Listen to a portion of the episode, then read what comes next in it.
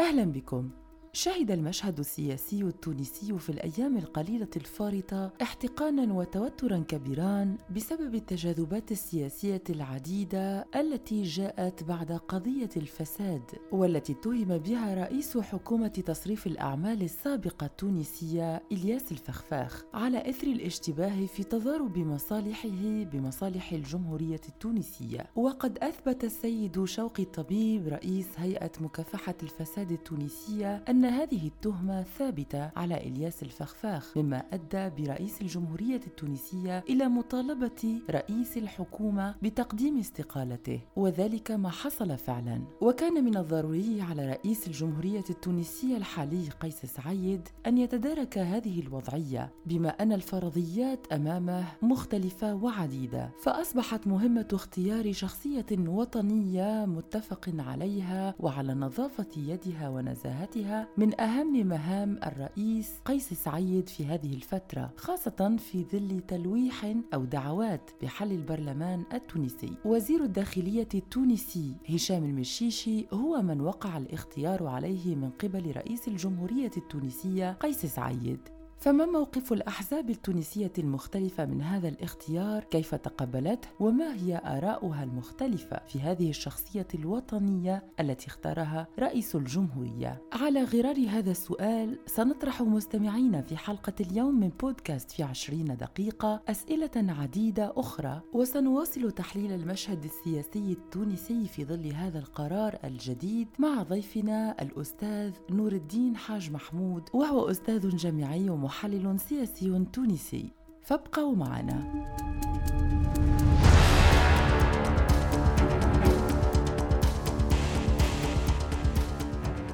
قبل أن نخوض في مدى شرعية اختيار هشام المشيشي وزير الداخلية التونسي الأسبق بما أنه الآن رئيس الحكومة حكومة الدولة التونسية الذي تم اختياره من قبل رئيس الجمهورية التونسية قيس سعيد من المهم جدا التعريف بهذه الشخصية الوطنية السياسية التونسية حتى نعرف الأسباب التي أدت إلى اختيارها لتشكيل الحكومة القادمة في تونس. فبعد الثورة التونسية التي اندلعت سنة 11 و2000 كان هشام المشيشي عضوا في لجنة تقصي الحقائق عن الفساد والرشوة التي تم استحداثها مباشرة بعد الثورة والتي كان قد ترأسها السيد عبد الفتاح عمر. عين في سنة 14 و2000 رئيسا لديوان وزير النقل التونسي ثم تقلد نفس المنصب في وزارة شؤون المرأة ثم وزارة الشؤون الاجتماعية ثم وزارة الصحة. عين بعدها مدير مديرا عاما للوكالة الوطنية للرقابة الصحية والبيئية للمنتجات. عينه الرئيس قيس سعيد مستشارا أولا له ومكلفا بالشؤون القانونية في الحادي عشر من فبراير لسنة عشرين وألفين قبل أن يصبح في السابع والعشرين من فبراير الموالي وزيرا للداخلية في حكومة إلياس الفخفاخ. وها قد تم تعيينه مؤخرا وبالتحديد قبل ثلاثة أيام كرئيس للحكومة التونسية من قبل رئيس جمهوريتها قيس سعيد. هشام المشيشي معروف لدى الطبقة السياسية التونسية بأنه رجل الإقالات. ما معنى ذلك؟ هشام المشيشي في كل فرصة له أتيحت كي يكشف شبهة فساد كان من الأوائل الذين يدعون إلى إقالة الأشخاص أو الشخصيات السياسية التي يشتبه ولو قليلا بفسادها إما المالي أو السياسي.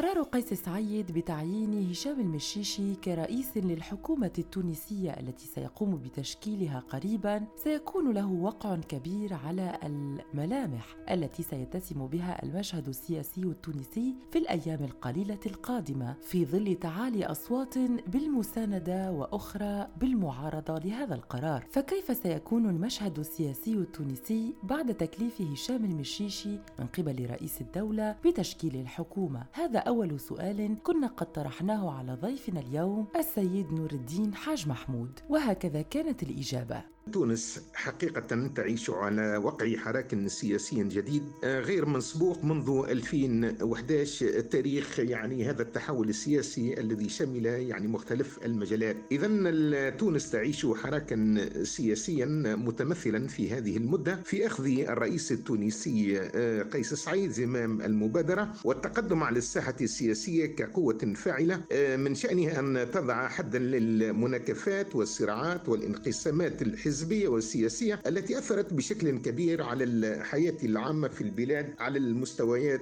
الحيوية وهي أساسية. يعني من هذه المستويات الجانب الاقتصادي الجانب الأمني الجانب الاجتماعي. وبالتالي فإن هذا المشهد على الصورة التي نعيشها هي الانتقال آه، من سلطة الأحزاب إلى سلطة مؤسسة الرئاسة بالاعتماد على ما جاء في الدستور وما يمنح إلى رئيس الدولة من صلاحيات. وقد أشار إلى ذلك رئيس الدولة في العديد من المناسبات إلى أنه لا يمكن البقاء هكذا دون حراك من أجل يعني إنهاء هذه الصراعات. وقد تولى الرئيس التونسي قيس سعيد وبعد النظر في الترشحات المقدمة من قبل الأحزاب تكليف السيد هشام المشيشي وهو خارج عن إطار الجانب الحزبي بتشكيل الحكومة. وهذا الاختيار لعمري من خارج قائمة المترشحين التي قدمتها الأحزاب المختلفة. والكتل البرلمانية وبالتالي فإن كان فإن لرئيس الدولة الكلمة الأخيرة في الفصل حول هذه الخلافات والإشكالات التي أثرت حقيقة على المسار العام في البلاد التونسية. وفي اختيار السيد المشيشي رئيسا للحكومة خارج إطار الفضاء الحزبي أكثر من دلالة. من ذلك أن المكلف الجديد شغل العديد من المناصب الإدارية والمؤسساتية وآخرها وزيرا للداخلية. وهذا يدلل على قيمة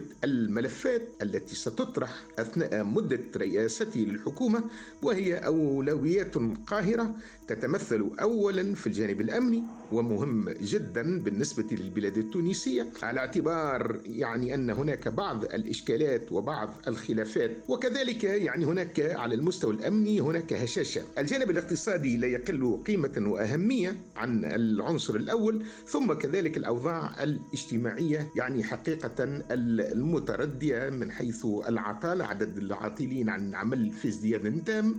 كذلك هناك العديد من المؤسسات الاستراتيجية التي تعطلت بشكل كبير والتي كانت هي عماد الاقتصاد الوطني مثل الفوسفات والبترول. ثم كذلك لابد من التأكيد على يعني هذه الاعتصامات والتظاهرات فيها الجانب الشرعي وفيها الجانب غير المشروع. وبالتالي فإن رئيس الدولة بهذا القرار أراد حقيقة وضع حدا لهذه المناكفات وبالتالي الإعطاء القيمة والكلمة الفصل للمؤسسات وقد أشار إلى ذلك في العديد من المناسبات إلى أن المؤسسات مؤسسات الدولة ينبغي أن تكون قائمة والدولة حقيقة ينبغي أن تكون قوية من أجل يعني إنهاء وإيجاد الحلول بالنسبة لأغلب المجتمع التونسي. إذا وكما سمعتم مستمعينا كان ضيفنا قد تحدث عن الدلالات التي جاءت وراء اختيار رئيس الجمهورية قيس سعيد لشخصية سياسية خارجة عن القائمة التي تم اقتراحها أو التي تحتوي على شخصيات أخرى اقترحت من قبل الأحزاب والكتل السياسية المختلفة في تونس فلماذا وقع الاختيار على هشام المشيشي بالذات دون غيره؟ الاختيار على هشام المشيشي بتكليف الحكومة لماذا تم هذا الاختيار؟ هذا السؤال لابد من الإجابة عليه. بقي أنه لابد من القيام بالقراءات المتمعنة والرصينة لمسيرة الرجل. ففي البدء نلاحظ أنه هو وليد المؤسسة الإدارية. باعتباره خريج المدرسة الوطنية للإدارة بتونس ثم تقلده إلى العديد من الخطط الحيوية في مجالات النقل والصحة والشؤون الاجتماعية إلى حين تعيينه وزيرا للداخلية. والمكلف برئاسة الحكومة وتشكيلها ومن خلال العديد من القراءات بشأنه يتميز وهذا مثبت بجديته وتطبيقه للقانون ثم نظافة اليد. وهذا الاختيار تفاعلت معه معظم الأطياف السياسية إضافة إلى ردود الفعل الشعبية الإيجابية تجاهه باعتبار أن المجتمع التونسي مل حقيقة هذه التجاذبات المتواصلة والتي أثرت حقيقة على مستواه المعيشي وكذلك حتى على مستواه الأمني. وبالتالي لابد من إنهاء يعني هذه المناكفات وهذه الصراعات. وما جعل رئيس الدولة يقدم بهذا الاختيار إلا للفشل الذي ميز رؤساء الحكومات السابقين في معالجة الملفات العويصة في القطاعات الحيوية والاقتصاد. مؤشر التنمية حاليا في نزول أقل من 6% وهو أمر خطير غير مسبوق للبلاد التونسية منذ استقلالها. ولابد هنا من تعديل الأوتار وإيجاد المخارج الضرورية الاقتصادية من أجل إنهاء هذا النزول وهذا يعني الإشكال الاقتصادي على المستوى الاجتماعي عدد العاطلين عن العمل يزيد عن مليون عاطل وهو يعني تقريبا أمر خطير ويهدد السلم الاجتماعيه وبالتالي على الجميع أن يتفاعل ايجابا من أجل إيجاد الحلول المناسبة لهذا الأمر. لابد كذلك من التأكيد على المستوى الأمني الهش على الصعيد الوطني ثم كذلك على الصعيد الإقليمي. وهنا علينا أن لا ننسى أن تونس تقع حقيقة في محيط إقليمي متوتر خصوصا وأن ليبيا تعيش حربا أهلية وبالتالي صراع دولي وبالتالي آه، أن هذا الصراع وهذه الحرب هي حرب أهلية بين الفرقاء فيها الميليشيات وفيها كذلك القوى المتصارعة من مختلف يعني الدول ومن مختلف يعني الفصائل. وبالتالي وبالتالي لابد من إنهاء هذا الصراع لأن تونس حقيقة كانت تعتمد بشكل كبير على على علاقاتها مع ليبيا وهذا الوضع المتوتر في ليبيا أثر بشكل كبير وبالتالي رئيس الدولة يعني أكد تأكيدا كبيرا على أن الأولوية المقامة في هذا الباب لابد من التفكير أساسا على الجوانب الأمنية التي يعني بدونها لا يمكن إقرار التنمية في البلاد التونسية وهو أمر جوهري لابد من التأكيد عليه. إذا وكما جاء في إجابة ضيفنا مستمعينا كنتم قد استمعتم للأسباب الحقيقية التي جاءت وراء اختيار قيس سعيد لهشام المشيشي حتى يكون الحكومة التونسية المقبلة وذلك نظرا لنظافة يده ولنزاهته الكبرى ومحاربته للفساد في تونس منذ الأيام الأولى التي تلت الثورة التونسية في الرابع عشر من جانفي لسنة 11 و2000 هذا على غرار نجاعته في الجانب الاقتصادي والاجتماعي التي ينتظرها رئيس الجمهورية. وللبقاء تحت لواء قرار رئيس الجمهورية عبرت العديد من الأحزاب الكبرى في البلاد منها كتلة النهضة وكذلك حزب قلب تونس على مساندتها وتثمينها لهذا القرار. فكتلة النهضة مثلا أصدرت من قبل مكتبها التنفيذي بيانا مساء البارحة بخصوص تكليف هشام المشيشي بتشكيل الحكومة القادمة. هنأت فيه هذا الأخير بتكليفه بهذه الخطة من طرف رئيس الجمهورية التونسية ودعته إلى توسيع دائرة المشاورات مع مختلف الحساسيات السياسية التونسية والمنظمات الوطنية ووضع برنامج وطني للإنقاذ وذلك لمواجهة التحديات الاقتصادية والمالية والاجتماعية الصعبة التي تمر بها تونس. كما دعت كل مكونات الساحة السياسية إلى التهدئة وإلى الحوار والالتزام نهج التوافق ودعم مقومات الوحدة الوطنية والاستقرار. هذا كان موقف حركة النهضة من هذا التعيين. وأما عن الكتلة الثانية الأكبر في البلاد وهي حركة قلب تونس فكان موقفها على لسان أسامة الخليفي وهو رئيس كتلة قلب تونس في تصريح إذاعي يوم الأحد الفارط علق وقال بأن تكليف رئيس الجمهورية لوزير الداخلية بحكومة تصريف الأعمال لإلياس الفخفاخ السيد هشام المشيشي كان خارج المشاورات وفق تعبيره وذلك بما أن رئيس الجمهورية التونسية وكما ذكر ضيفنا قبل قليل كان قد اختار شخصية هشام المشيشي خارج القائمة التي تم اقتراحها من قبل الحساسيات السياسية المختلفة في تونس. أضاف السيد أسامة الخليفي رئيس كتلة قلب تونس بأن حزبه سيتابع مسار تشكيل الحكومة وكيفية تكوينها. مؤكدا أن قرار حزبه الأخير سيتم اتخاذه بعد التحاور مع رئيس الكتلة وفي إطار مؤسسات الحزب وبناء على برنامج رئيس الحكومة المكلف على حد قوله. فما هي يا ترى الرسائل التي ضمنها أو تضمنها قرار رئيس الجمهورية باختياره هشام المشيشي دونا عن كل الشخصيات التي تم اقتراحها من قبل الكتل والأحزاب السياسية المختلفة في تونس؟ بالنسبة لأهم الرسائل التي يريد الرئيس التونسي قيس سعيد توجيهها آه، للجميع وبدون استثناء وبالخصوص إلى يعني الأحزاب السياسية وكذلك إلى رئاسة مجلس نواب الشعب. قلت رسائل فيها الخفي وفيها الظاهر. على المستوى الخفي تعددت الرسائل التي وجهها رئيس الدولة إلى القوى الفاعلة على الساحة ومن أهمها حركة النهضة.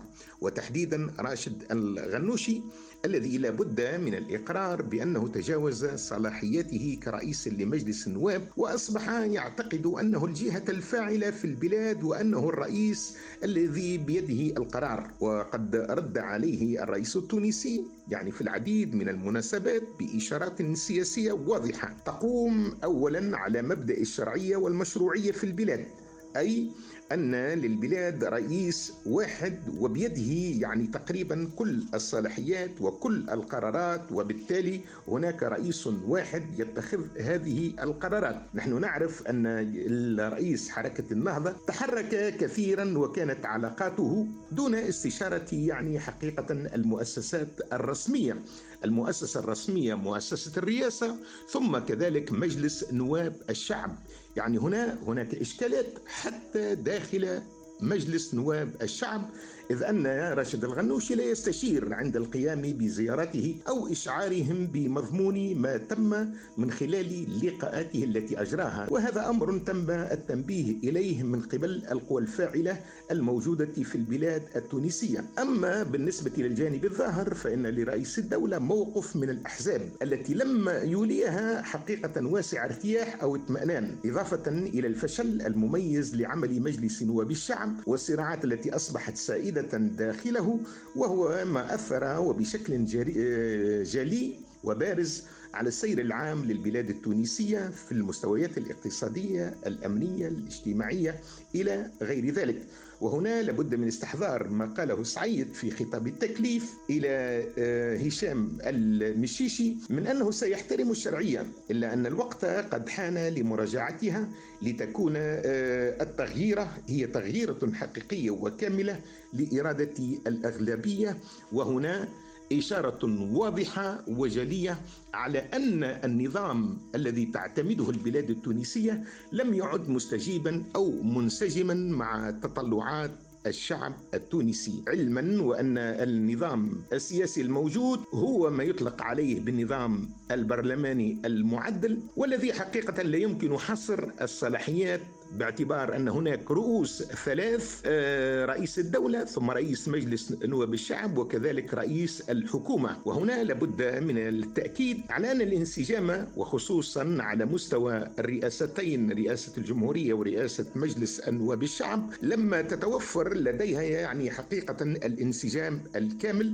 وبالتالي لابد من إنهاء هذا الصراع على مستوى هرم السلطة والتفكير حقيقة في نظام رئاسي ينسجم مع أهم التطلعات للبلاد التونسية. يتساءل الكثيرون مستمعينا عن موقف عبير موسي وهي الشخصية التي تعارض بشكل كبير كتلة حركة النهضة ورئيسها راشد الغنوشي وهي تملك مواقف متضاربة في أغلب الأوقات مع مواقف كتلة حركة النهضة. يتساءل الكثيرون عن موقفها وموقف حركتها وهي حزب الدستوري الحر. من هذا التعيين اللاعبين وكان جواب ضيفنا كالآتي. على المستوى الآخر لابد من النظر إلى يعني موقف حركة الدستور الحر إذا اعتبرت رئيسته آه، عبير موسي أن حزبها يبارك تكليف آه، ابن الدولة الوطنية بتشكيل الحكومة وذلك في إشارة إلى هشام المشيشي.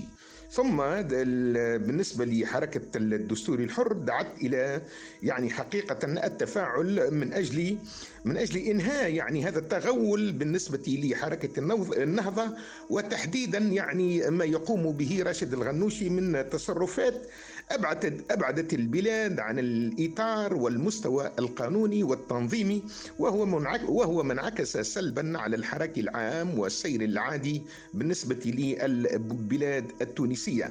هنا هنا لابد من التأكيد على أن أولا حركة النهضة هناك تتجاذبها يعني العديد من الاختلافات والعديد من الطروحات. لطفي زيتون كما أشرت وهو حركي في هذه الحركة حركة النهضة يختلف اختلافا كليا عن ناجي أجمل من حركة النهضة إذ هو يؤيد مساندة هشام المشيشي في حين يرى ناجي جمل أن يعني رئيس الدولة قيس سعيد يعني بذلك تجاوز صلاحيته وعليه حقيقة أن يراجع المواقف التي اتخذها على هذا المستوى. إذا كان هذا مستمعينا تحليل المشهد السياسي التونسي على إثر تكليف رئيس الجمهورية التونسية قيس سعيد لهشام المشيشي حتى يكون الحكومة المقبلة في تونس. وهنا تنتهي حلقتنا من في عشرين دقيقة لهذا اليوم. نشكر لكم متابعتكم وإلى اللقاء.